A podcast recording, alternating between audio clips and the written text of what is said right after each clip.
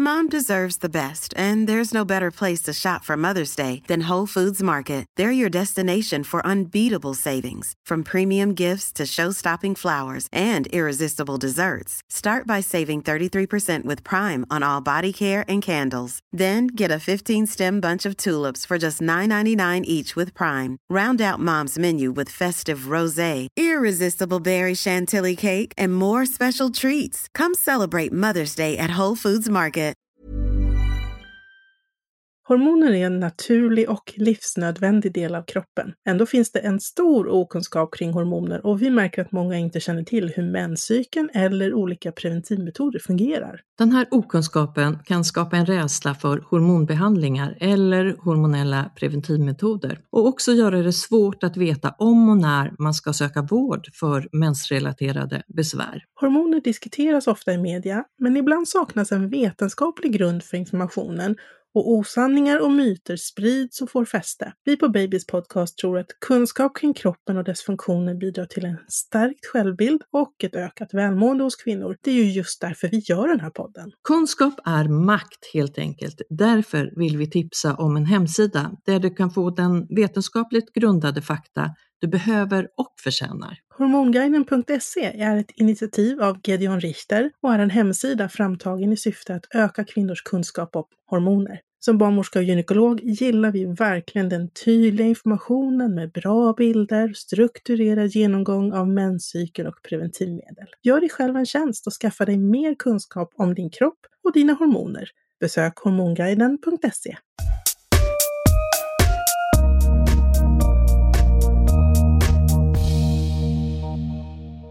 Idag ska vi prata cervixinsufficiens, det vill säga att livmoderhalsen förkortar sig eller börjar öppna upp sig i tidig eller för tidig graviditet kan vi väl säga Rebecka? Ja, precis. Och, vi ska prata lite om ehm, ja, hur det kan te sig och hur man kan behandla och förebygga det här. Mer om detta. Här i studion finns jag, Karina barnmorska. Och jag, Rebecka, som är gynekolog.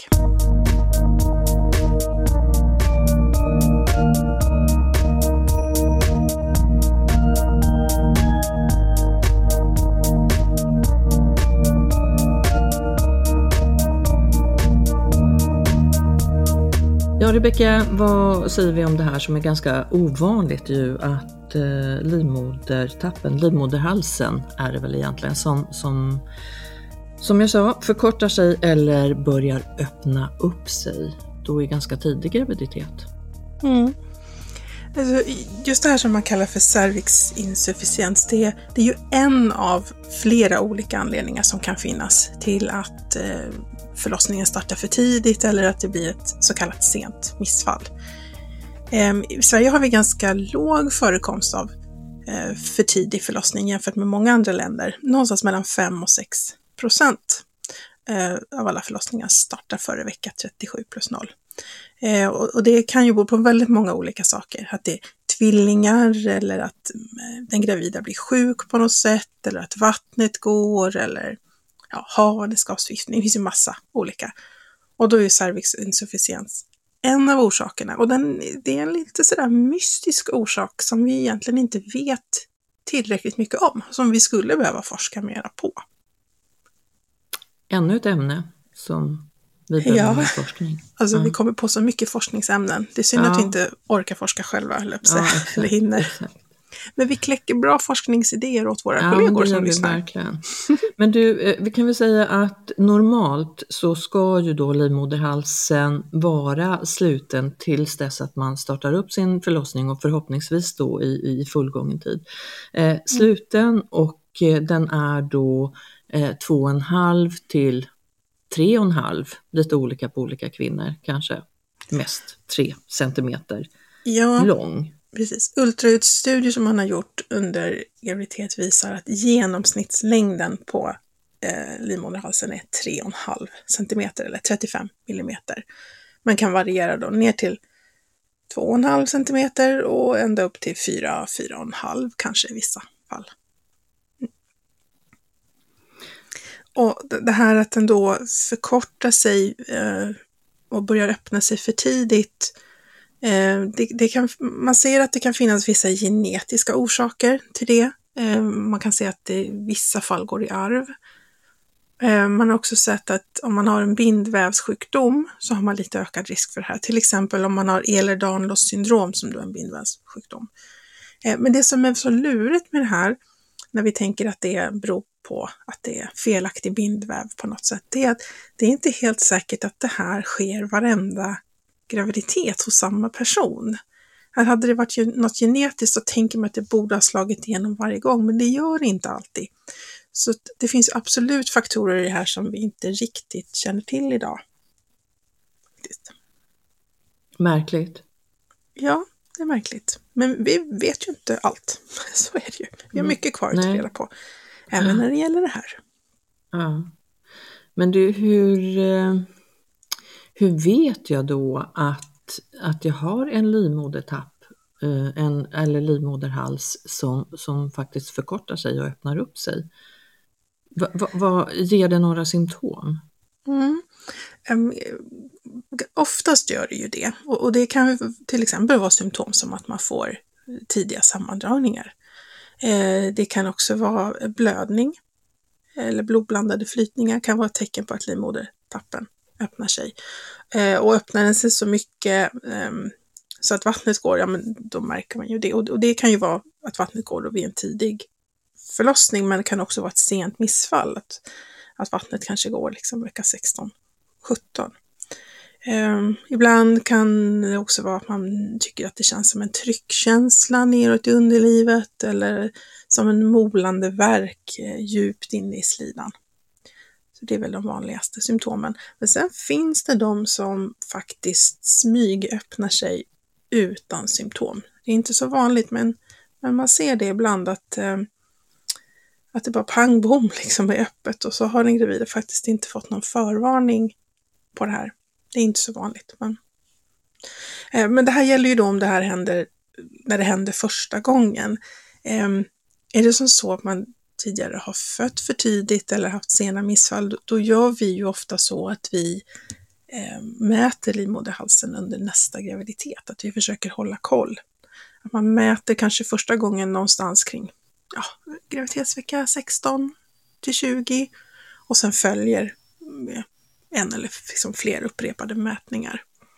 Så, så, ibland hittar vi ju det på så sätt också att vi vet att den här personen har en historia av cervixinsufficiens så därför ska vi kolla extra den här gången. Men du, du, du sa att vi mäter livmoderhalsen och då mäter vi med ultraljud, vaginalt ja, ultraljud.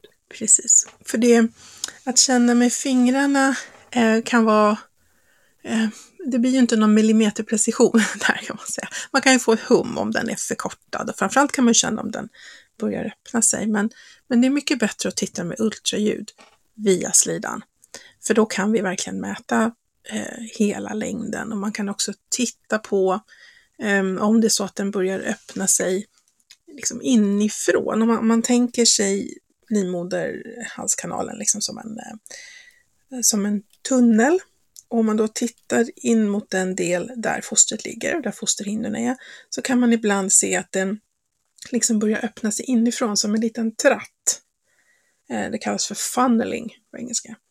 Ehm, och det är också ett tecken på att det finns en svaghet när den liksom inte håller ihop hela vägen i hela sin längd utan smygöppnar sig inifrån. Så det är sådana saker vi, vi tittar på med ultraljud. Men du skulle orsakerna till det här, du säger när, när man, man, man, kan ju då undersöka med sina fingrar och då tänker jag att det är ju en infektionsrisk eh, i sig. Eh, men skulle andra infektioner eh, kunna påverka så att det blir en förkortning, en försvagning eller en, en för tidig öppning? Har man sett någonting om det? Ja, alltså man kan ju få infektioner i fosterhinnor eller eh, liksom, inne i liksom, fosterrummet. Eh, och, och, det i sig retar ju då, det retar livmodern till sammandragningar. Det eh, gör också att fosterhinnorna blir sköra utav den här eh, infektionen och då lättare sprickor och vattnet går till exempel. Eh, eller att infektionen gör att det blir ett ökat tryck in i livmodern. Eh, men då kalla, ska man egentligen inte kalla det för cervixinsufficiens. Alltså man ska inte säga att det är en svaghet i livmoderhalsen för då är det ju infektionen som är orsaken. Så för att vi ska kunna säga att den här personen föder för tidigt eller har ett sent missfall på grund av cervixinsufficiens, då ska man liksom ha uteslutit att, att infektion är en bakomliggande orsaken. För att annars är det ju infektionen som är boven i dramat helt enkelt. Men, och, och det är också ja. så när man sen ska be behandla och försöka förebygga att livmoderhalsen öppnar sig, så är det också så att något som vi måste vara väldigt noga med att hålla koll på är ju just infektionstecken.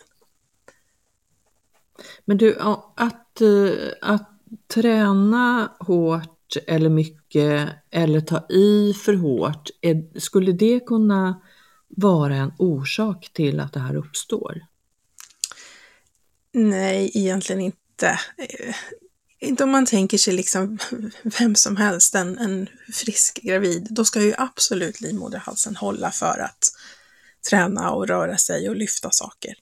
Ehm, om det är så att man har den här liksom, mystiska medfödda cervixinsufficiensen och kanske tidigare har eh, drabbats av eh, sent missfall eller alldeles för tidig födsel, just till den personen kan man ju ge som råd att eh, undvika i alla fall viss typ av träning med hopp och stötar och undvika tunga lyft.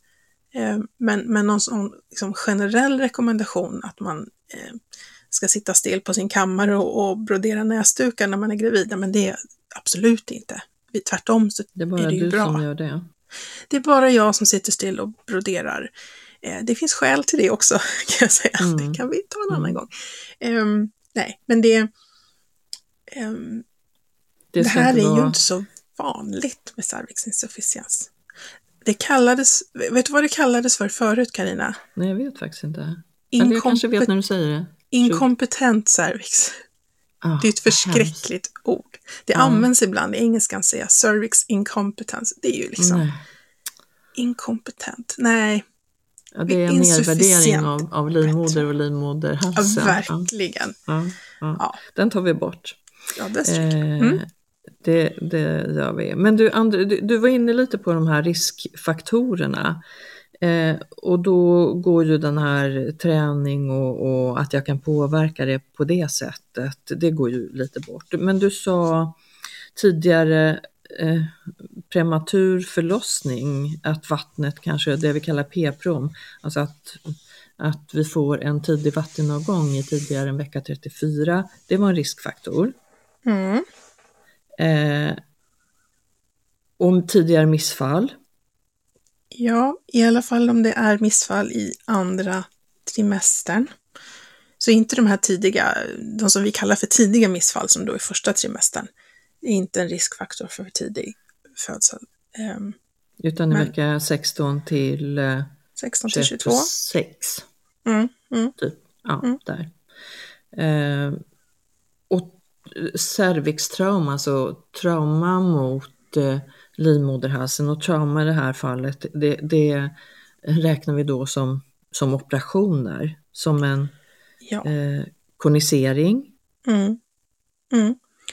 Då eh, handlar det framförallt eh, när det gäller konisering och risk för, eh, för att eh, föda för tidigt eller få sent missfall. Då handlar det dels om de som har gjort flera koniseringar, ehm, det vill säga att man liksom tar bit för bit. Och det handlar också om en, en lite äldre operationsteknik när man gjorde så kallad knivkonisering, alltså att man gjorde det med, med skalpell. Ehm, det är inte visat att det är riktigt lika stor risk med den här moderna metoden när man liksom använder eh, diatermi, alltså man har eh, som en elektrisk tråd som man hyvlar egentligen. Eh, det verkar mycket mer skonsamt eh, liksom för framtida fertilitet och graviditet.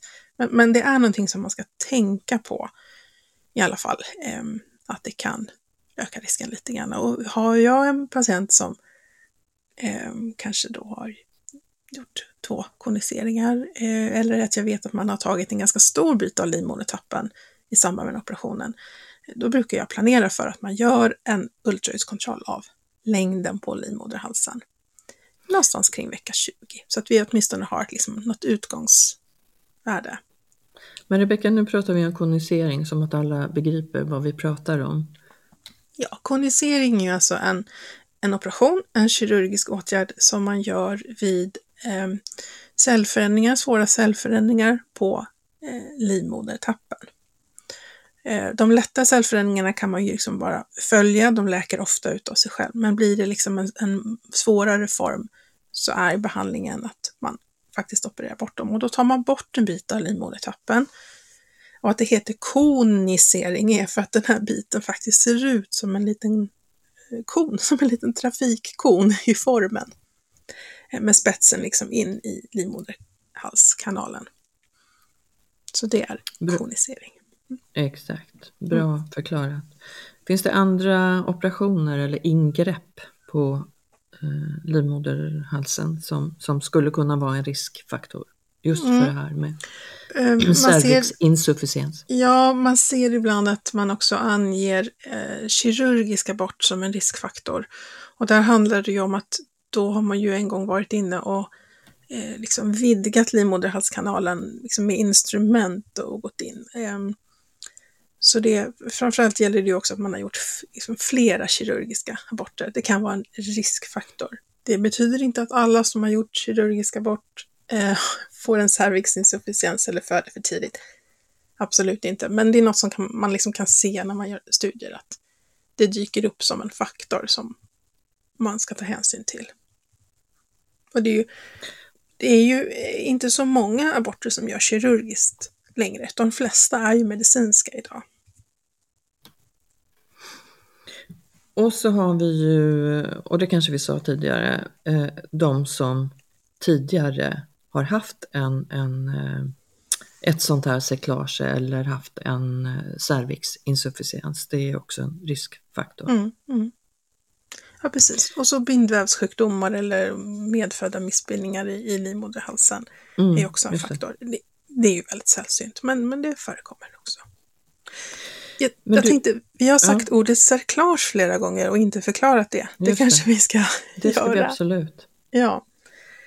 Eh, cerklage eh, innebär ju alltså, cerklage är ju en, ett, eh, en operation som man gör för att försöka hålla ihop eh, livmoderhalsen. Eh, tänker som en liten eh, korsett på livmoderhalsen som ska hålla ihop det hela. Eh, det användes mycket, mycket mer förr i tiden. Det är rätt så sällsynt idag. Eh, och det finns lite olika operationstekniker, men, men principen är den att man sätter då eh, som ett band eller en tjock tråd eh, runt livmoderhalsen och man gör det oftast via slidan. Man kan göra det via magen också. Ehm, man gör det vanligen någon gång mellan graviditetsvecka 12 till 24, där jag nog skulle säga att det är vanligast vecka 12 till 16. Eh, och man naturligtvis så får man ju smärtlindring medan man gör det här. Oftast är man sövd, man kan göra det i ryggbedövning också. Eh, och sen får det här då bandet eller tråden, det får sitta kvar runt livmoderhalsen som en, som en korsett eller som ett bälte. Eh, fram tills det liksom är dags för barnet att födas. Och då, och då tar man bort det här cerklaget någonstans kring vecka 36, 37. Och det gör man som vid en gynundersökning. Eh, ja, men som sagt, så... det är inte så vanligt numera, men det var mycket mer vanligt förr i tiden. Så för att hjälpa till att hålla modermunnen stängd på mekaniskt vis kan man väl ja. säga, så, ja. så lindar man in den, man knyter åt den lite grann för att minska risken för att du ska föda för tidigt. Men hur, hur tidigt kan jag sätta det här cyklaget som ju är en av två behandlingar? Mm. Alltså, alltså, från vecka 12 brukar man säga att det görs. Och jag, de, de gånger jag har varit med och sett så har det inte varit så tidigt som vecka 12 utan då har man planerat eh, kring vecka 14, 15, 16. och när man liksom har vetat om innan att den här gången kommer vi behöva sätta, eller prova sätta ett cerklage. Eh, det har till exempel då varit gravida som har haft två eller tre sena missfall tidigare som har berott på cervixinsufficiens, då har man liksom sagt att ja, men nästa graviditet gör vi så här. Så det har varit de vanligaste. Men det finns ju också något som kallas för akut cerklage och då har man ju inte liksom lagt upp en plan innan för att det här ska göras, utan då är det mer en akut åtgärd, att nu måste vi, det är liksom sista chansen, nu måste vi försöka hålla tillbaks den här graviditeten. Eh, och det kan ju då ske liksom ner mot vecka 12 och även upp mot vecka 24 i lite ovanliga fall. Eh, och då är det ju så att de planerade cerklagen eh, har ju lite bättre chans att lyckas än de akuta. Så är det ju, men de akuta är ju också, då, då pratar vi om liksom, ja, då tar vi till allt vi har, hängslen och livrem och liksom gör allt för att eh, stötta den här graviditeten att stanna kvar i livmodern. Mm.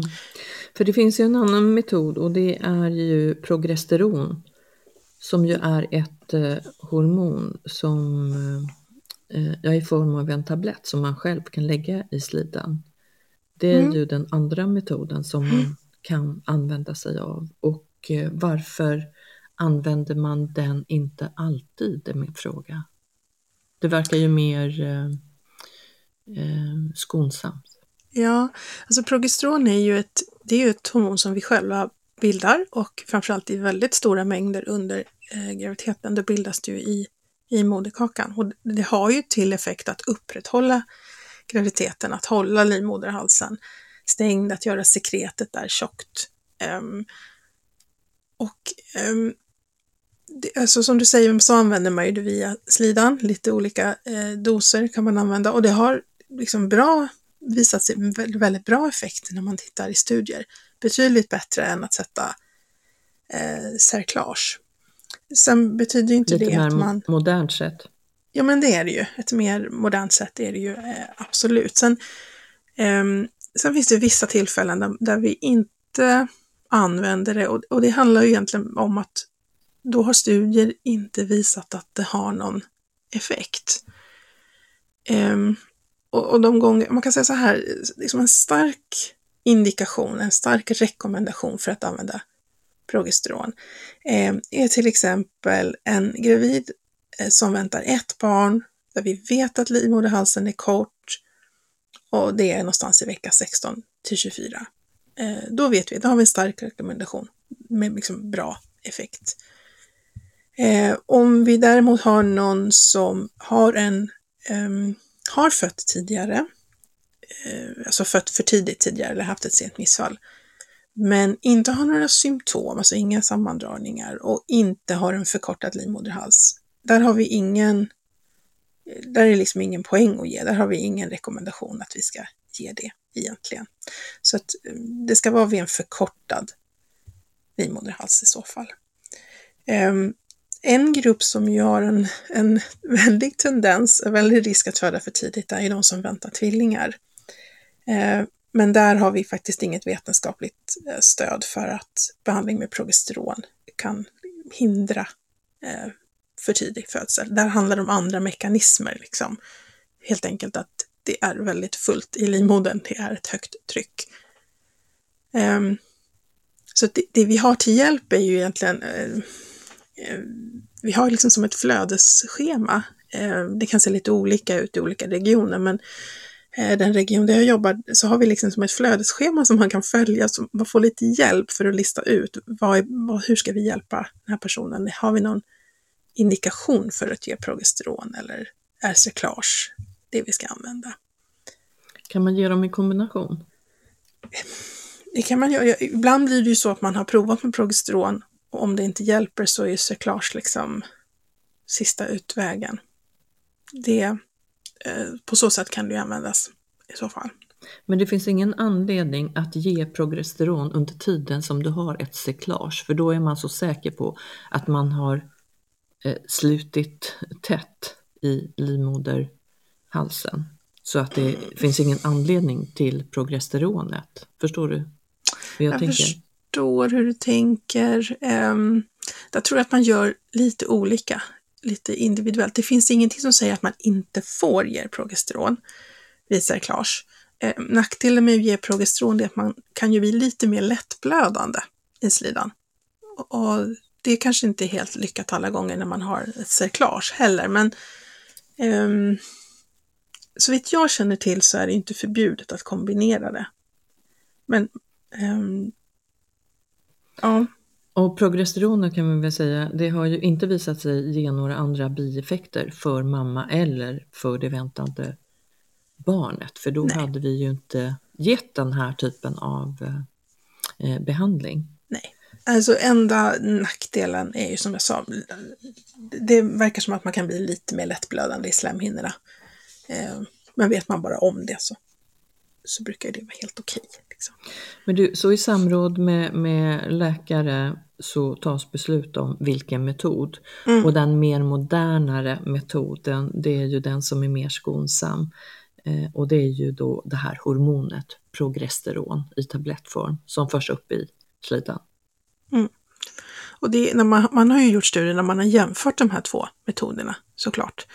Eh, och, och, då ser man att det är mycket bättre effekt av progesteron än av cerklage. Det är också mycket mer skonsamt eh, för den gravida. Eh, och eh, faktiskt är det så att eh, man gör ju ofta, liksom, när man gör studier, så gör man ju också en, en ekonomisk analys av olika metoder. Eh, och då är progesteron också en, en liksom mer kostnadseffektiv behandling än cerklage. Eh, så att allting lutar ju mot att progesteron då är bättre. Det är mer eh, ekonomiskt ur hälsosynpunkt, det är mer effektivt, det är färre liksom, biverkningar. Och, och cerklage, egentligen har man inte tittat så mycket på eh, långtidseffekten liksom på, på barn om, när man använt cerklage. Vi har ingenting som talar för att det skulle vara någon nackdel, men vi har inte tittat på det heller. Så att... mm. Ja, men, men som sagt, cerklage är ju liksom eh, det är ju en nödlösning. Ibland måste vi prova och eh, ibland funkar det och ibland funkar det tyvärr inte.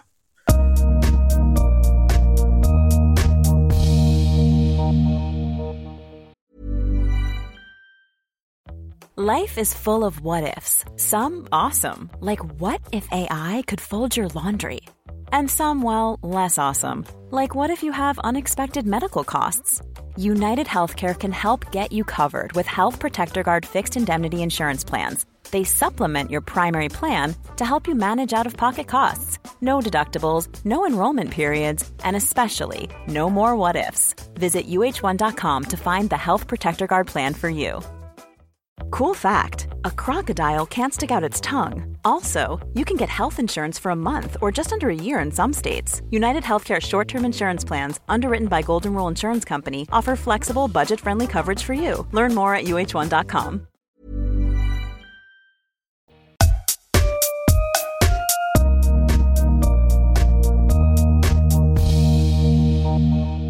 Och du, när, när eh, jag har flera frågor. Mm. Men eh, Eh, bör vi undvika samlag när vi har seklage? Eller progesteron för den delen? Alltså, om, om vi börjar med en i taget. Eh, när det gäller eh, cerklage så, så får man ju förhållningsregler efter att det är, är gjort. Och då är det till exempel att man ska inte ha vaginala samlag. Eh, inte lyfta tungt, inte gå långa promenader.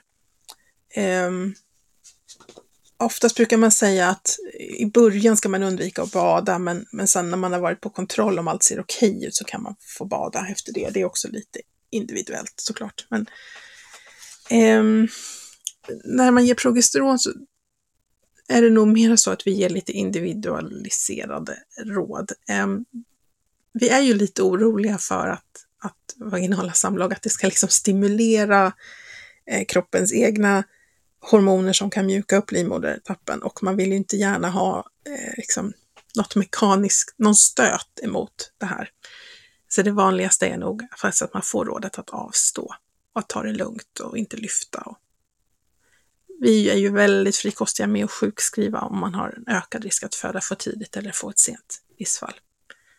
Och när jag har haft patienter liksom, i den här patientgruppen så man är ju själv så himla orolig och nervös. Så att även om jag liksom skulle säga så här, nej men det är okej, du får göra det här, så har jag en känsla av att de flesta gravida är så här, mm, nej, nej, jag vill inte chansa, jag tar det väldigt lugnt. Nej, såklart. Och det, det fattar såklart. jag. Eh, sen, mm. sen försöker jag ju stötta liksom att man ska inte bli livrädd och sitta helt still i en soffa och bara brodera dukar eh, i nio månader. Det är inte så bra det heller, men att jag har full förståelse för att man eh, känner som att man är gjord av, av kristall. Liksom. Mm. Ja. Ja, men jättejobbigt. visst. Och, Mm. ja, eh, fullt förståeligt liksom att man försöker undvika vissa saker. Men Rebecka, en fråga från barnmorskan till, eh, till gynekologen, förlossningsläkaren Rebecka då. Eh, jag har inte faktiskt sett hur, man, hur det går till när man sätter det här säcklaget. Kan inte du förklara för oss? Mm. Ehm, första steget är att man har tagit ett beslut om att det ska göras. Eh, så att, och då kan det ju antingen vara en, liksom planerat, att man bestämmer att den gravida ska komma i vecka 14 till exempel. Eller så är det liksom en mer akut situation. Men om vi tar den planerade varianten så är det så att eh, man kommer då till eh, sjukhuset, eh, skrivs in. Vi tittar med ultraljud så att vi ser att fostret fortfarande lever undersöker livmodertappen också med ultraljud. Vi kollar så att det inte är någon pågående infektion. Man tar en odling, bakterieodling från livmoderhalsen. Och man brukar också kolla CRP, alltså det vi kallar för snabbsänka för att se att det inte liksom är förhöjt. För är det en infektion så ska vi inte operera. Eh, och sen eh, efter det då så, om det här är liksom en planerad operation eh, då, då kan patienten liksom få gå till operationsavdelningen. Är det här mera en, en akut åtgärd, eh, då, då får man åka säng så att man inte är uppe och går. Eh, oftast så är, eh, är man sövd, eh, Eh, men jag har varit med om några gånger om att man har gjort det här också i, i ryggbedövning, i spinal. Så båda fungerar.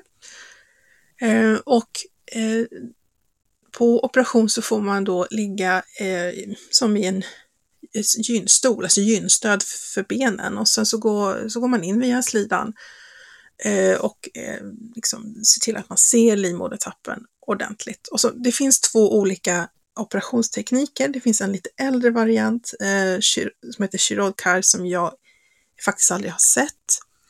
Eh, och sen finns det en nyare då, metod som heter McDonald eh, och den, den eh, ser mera ut som Eh, alltså man sätter eh, stygn liksom runt om livmoderhalsen, liksom bit för bit för bit och så drar man ihop. Det är väldigt svårt att förklara i en podd. Eh, men, men, men hur ska man tänka? Om man liksom skulle sy en liten tygpåse, en liten tygpung, så liksom låter man ju det här snöret längst upp liksom gå ut och in på ut och insidan av den här pungen och sen kan man dra åt. Lite den principen är det ju. Och så knyter man. Jag har Ehm. bara sett att man har tagit bort, Ja. inte på ett antal. Eftersom det är ju mer på förlossningen och tiden Ja, innan där, precis. där jag jobbar. Mm. Jag kan inte säga att jag har sett jättemånga heller Mm. eftersom det här är ganska ovanligt. Ehm, Det är inte så att vem som helst sätter sig och gör den här operationen utan det ska ju gärna vara någon som har gjort många tidigare, som liksom är van och har det i händerna. Eh, Så att jag har nog varit den som liksom har stått eh, bredvid och tittat på och liksom försökt eh, memorera och lära mig. Ehm, För det, det är verkligen inte många genom karriären som jag har sett. Men, men efter det här då så, eh, som vanligt, man ligger på uppvak tills man har vaknat till och kan röra benen och eh, är det här en planerad operation så, eh, så får man ju liksom sen gå hem. Det här är ju en dagkirurgi. Är det en, liksom en akut eh, situation, ja, men då, då naturligtvis så ligger man ju kvar tills man ser att nu är det lugnt, nu har det stillat sig. Eh, och sen får man ju då lite de här förhållningsreglerna som vi pratade om, att man ska hålla sig lugn. Eh, vi brukar också säga till den gravida att om det blir blödningar eller sammandragningar eller om flytningen luktar illa så ska, eh, ska hon ju säga till, hojta till. Eh, och sen så gör man ju en uppföljande koll, oftast då på specialistmödravården, kanske någon gång vecka 18-20 och eh, sen åtminstone ändå i vecka eh, 37. Så kan man ju göra kontroller dessemellan om det behövs. Helt enkelt. Så det blir lite individuell planering hur ofta man gör koll och hur man gör med sjukskrivning och förlossningsplan.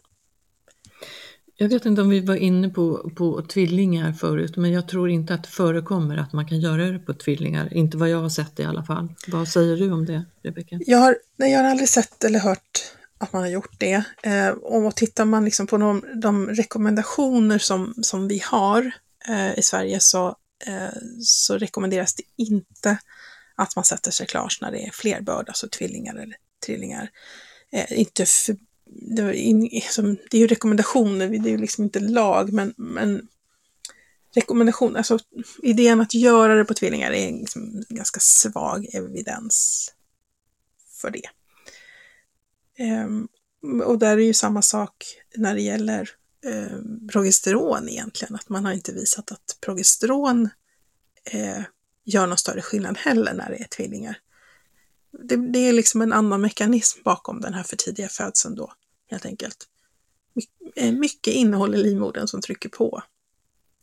Och inte Men nödvändigtvis jag... att det är en cervixinsufficiens som ligger bakom.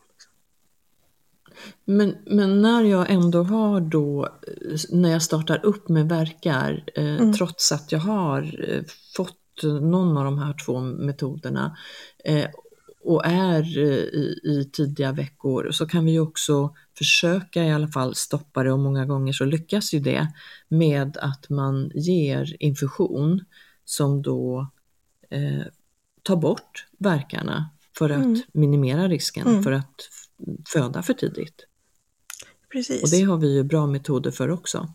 Ja, eh, och det eh, finns liksom olika preparat eh, för det och man, man kan ha liksom lite olika strategier för ja, hur länge man ger och sådär. I, I många fall, det beror på vilken vecka, men ibland så ger vi ju det vi kallar då för tokolytika, att vi hämmar sammandragningar, hämmar verkarna med läkemedel. Ibland så gör vi ju det för att hinna ge andra läkemedel för att hjälpa fostret att mogna lite mer. Eh, till exempel då att, ge, att vi ger eh, kortison till mamma för att skynda på fostrets lungmognad. Eh, så kan vi liksom inte stoppa det helt så försöker vi åtminstone bromsa upp så att vi hinner få effekt av kortisonet för att ge, eh, ge liksom det här för tidigt födda barnet lite bättre chanser. Mm. Eller egentligen mycket bättre chanser. Ja. ja, det blir det ju. Och oftast så lyckas vi ju bra med det tycker jag. Mm. Vad har vi att säga om eh, cervixinsufficiens? Svårt ord. Ja, det är svårt ord. Det är svårt att stava till det. Ja, det är eh, svårt att stava till. Har jag upptäckt. Mm. Ja, men om ja. vi ska liksom eh, koka ihop det till några få meningar så kan man säga att det är en utav de kända orsakerna till för tidig födsel eller sent missfall. Eh, det är en liten mystisk eh, åkomma. Eh, vi vet inte allt som pågår i bindväven och när det gäller hållfastheten i livmoderhalsen. Men vi tror att det kan ha att göra då med bindvävsstruktur och genetik. Ehm, och två behandlingsmetoder som vi har är då dels progesteron som ett läkemedel som har för de allra flesta väldigt bra effekt och liksom bra vetenskapligt evidens. Så att säga. Och den andra metoden är ju då mer kirurgisk, cerklage, att vi sätter ett band eller en tråd runt livmodermunnen som en korsett som ska hålla emot. Inte så vanligt numera, men förekommer. Och inte och så mycket en... komplikationer, förstår jag efteråt. Nej, alltså vi har ju inte så mycket långtidsdata när det gäller på cerklage och hur det blir efteråt och så. Det har vi inte, men eh, för, för de allra flesta, när det funkar så är det ju då att, att man klipper det här bandet och sen, sen får livmodertappen öppna sig och barnet får födas. Eh, det, det, låter liksom väldigt enkelt när vi säger så här, sen klipper vi bandet. Det är inte alltid så himlans lätt att komma åt för att livmodertappen, och slemhinnorna i slidan, vecka 37 eller 36. Men det är svullet och det är ömt och det är rätt pillrigt tycker jag att få bort det där eh, bandet eller den där tråden. Men det brukar Men, gå bra att få bort det med lite, absolut. lite ja. bök och stök och kanske. Uppföljning efter det här, är det någonting som, som man behöver? För det är ju utom mitt område, det ser ju inte jag hur man följer upp de här kvinnorna efteråt. Efter ett cyklage då framförallt. Tänker du efter att de har efter fött? att man har fött. Jag ja. förstår att man följer upp de här extra noga som du var inne på tidigare ja, eh, vid eh, nästa graviditet. Men ja. hur gör man efter att man har fött barn? Eh, men är det så att man har liksom lyckats med behandlingen oavsett om det är cerklage eller progesteron och faktiskt liksom lyckats ta sig fram till i stort sett fullgången tid eller helst fullgången tid. Om, om sen själva födseln går bra och det inte är några komplikationer, då, då, behöver man ingen annan uppföljning än, än det här vanliga som vi rekommenderar dem med efterkontroll hos barnmorska. Eh, men, men man brukar ju också skriva liksom in i journalen inför en eventuell nästa graviditet, lite hur man ska tänka då. Eh, så här gjorde vi den här gången, det här funkade. Nästa gång rekommenderar vi Ja, det kan till exempel vara att jag skriver att vid nästa graviditet eh, är lämpligt med remiss till specialmödravården för eh, diskussion kring nytt cerklage eller progesteron eller ultraljudskontroller. Så att man kan liksom hjälpa till att vara lite eh, schysst och skriva eh, lite råd eh, till den barnmorska som, som gör inskrivningen vid nästa graviditet. Att, eh, så här föreslår jag att vi gör nästa gång. Sen är det inte säkert att det blir precis samma sak nästa gång, men det är alltid bra om man har liksom en liten plan. Det, då känner sig oftast liksom, eh, paret också lite lugnare att man har en, en plan om det blir och när det blir. Ja. För du nämnde ju också tidigare att även om det har varit så här en gång så behöver det inte bli det nästa gång, men kanske tredje gången. Mm. Och vad det här beror på att det är så olika för samma kvinna, ja, det är ett litet mysterium idag. Men du, mm. finns det någonting som jag ska vara extra uppmärksam på när jag har de här eh, progesterontabletterna eller cyklaget under min graviditet? När bör jag söka vård? Um, då skulle jag säga sammandragningar som blir regelbundna, som blir smärtsamma, som kommer i vila. Det är inte, alltså om jag liksom går raskt upp för en trappa så är det inte så konstigt att livmodern drar ihop sig. Men om jag sitter kavlugnt i soffan och eh, fortfarande broderar de där dukarna som jag tjatar om. Om jag får sammandragningar då, det, då tycker jag ändå att man ska ta kontakt och få en extra koll. Blödningar, illaluktande Såklart. flytningar som kan tyda på infektion till exempel. Mm. Mm, Vattnet går. Definitivt när vattnet går, ja det får vi inte glömma. Mm. Definitivt. Nej. Ja. Mm. Men det hoppas mm. jag liksom att alla, eh, alla när vattnet går, att man tar kontakt med eh, ja, förlossningen mm. om man då är eh, liksom, långt gången. Eh, med vattenavgång så ska man ju gärna ta kontakt med mm. med vården på något sätt. Mm. Och, och, all den här informationen får man ju självklart när man genomgår någon av de här två metoderna eh, och när man har då ja. en förkortad ja. eller lite öppen eh, livmoderhals. Ja. Det finns också framtaget jättefina patientinformationstexter just kring progesteronbehandling och cerklage och mycket annat. Eh, där, där det står liksom det här har vi gjort och, och av den här anledningen och eh, var uppmärksam på det här, hit kan du ringa om det händer någonting. Så att, eh, Var det, hittar man den? Det ska man ju få utav sin vårdgivare, men, men ah, ja, det, det finns, ah. ja, det finns ju på nätet. Eh, det kan ju liksom ligga lite olika från region till region var det ligger, men, men i mm. Region Stockholm så ligger det ju öppet eh, på nätet. Um, ja, det gör det. Och den heter ju patientinformation, cyklage ja. och progesteron vid misstänkt cervixinsufficiens. Mm. Och jag tror det finns ju flera sökord som man kan söka där och komma ja. in på. Så, ja. så där får man kort information också. Mm. Det är Region Stockholm och sen så, eh, ja, olika regioner har, men, men eh, Typ samma information fast skrivet på lite olika Typ sätt. samma information, jag tror att den är väldigt snarlik. Sen, ja, man kan ha liksom Same same but different. Ja. ja. ja. ja. jag tror inte att det egentligen är jättestor skillnad på, på livmodertappar i, i Stockholm, Umeå, eh, Göteborg, Falun. Nej, Nej för det, det, skulle ju kunna vara intressant. Hur ser det ut i ja. världen då? ja, men i världen är det ju, som jag sa i början, det, vi, har, i Sverige har vi ju ganska eh, låg förekomst av för tidig förlossning jämfört med många andra länder. Det finns mm. ju väldigt många olika orsaker till det naturligtvis. Absolut. Nutritionsstatus, infektioner, ja. mödravård, mycket mödravård ska jag säga att vi eh, håller liksom, eh, koll och stöttar. Men, eh, men att det skulle finnas Alltså det kan nog vara så, det ringer någon klocka att det faktiskt finns en, liksom, vissa sådana här etniska skillnader mellan olika befolkningsgrupper. Men jag, nu kommer inte jag riktigt ihåg hur det såg ut. Så jag får passa på den. Passa på den. Ja, Jag men att det skulle vara geografiska skillnader.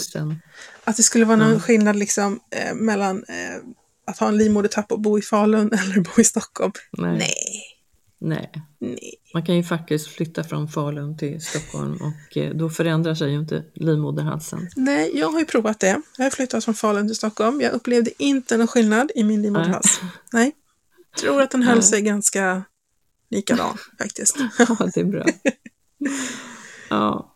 ja, nog om detta och nog om våra skämt om det. Jag hoppas att du där ute har fått bra information om det här som faktiskt kan hända, att vi eh, ändå kan föda för tidigt och att eh, våra livmoderhalsar och livmodertappen kan öppna upp sig eh, eller förkorta sig och då har vi pratat om hur vi gör symptom på det, behandling och så vidare. Eh, ja, ett eh, intressant ämne Mm, ändå, Rebecka. verkligen. Eh, nästa vecka nytt ämne. Får se vad det blir. Mm. Spänningen Men är olidlig. var- Ja. Ja, precis.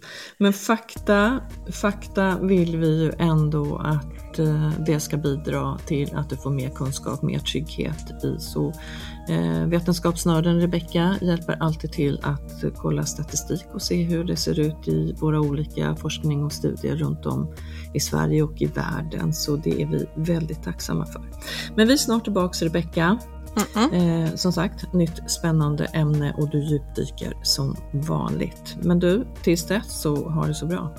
Ja, detsamma Karina. Ta hand om dig och det ska ni där ute göra också. Vi är jätteglada och tacksamma att ni lyssnar på oss och eh, att ni hänger med oss på Instagram, ett Babys podcast även där. Hörs snart. Ha det fint så länge. Hej då! Hej då!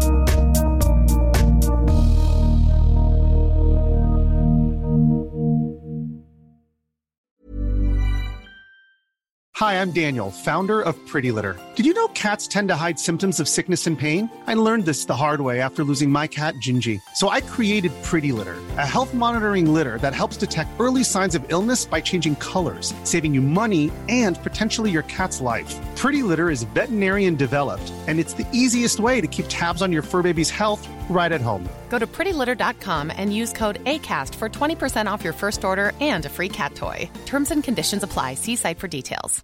Hey, it's Paige DeSorbo from Giggly Squad. High quality fashion without the price tag. Say hello to Quince. I'm snagging high-end essentials like cozy cashmere sweaters, sleek leather jackets, fine jewelry, and so much more. With Quince being 50 to 80% less than similar brands.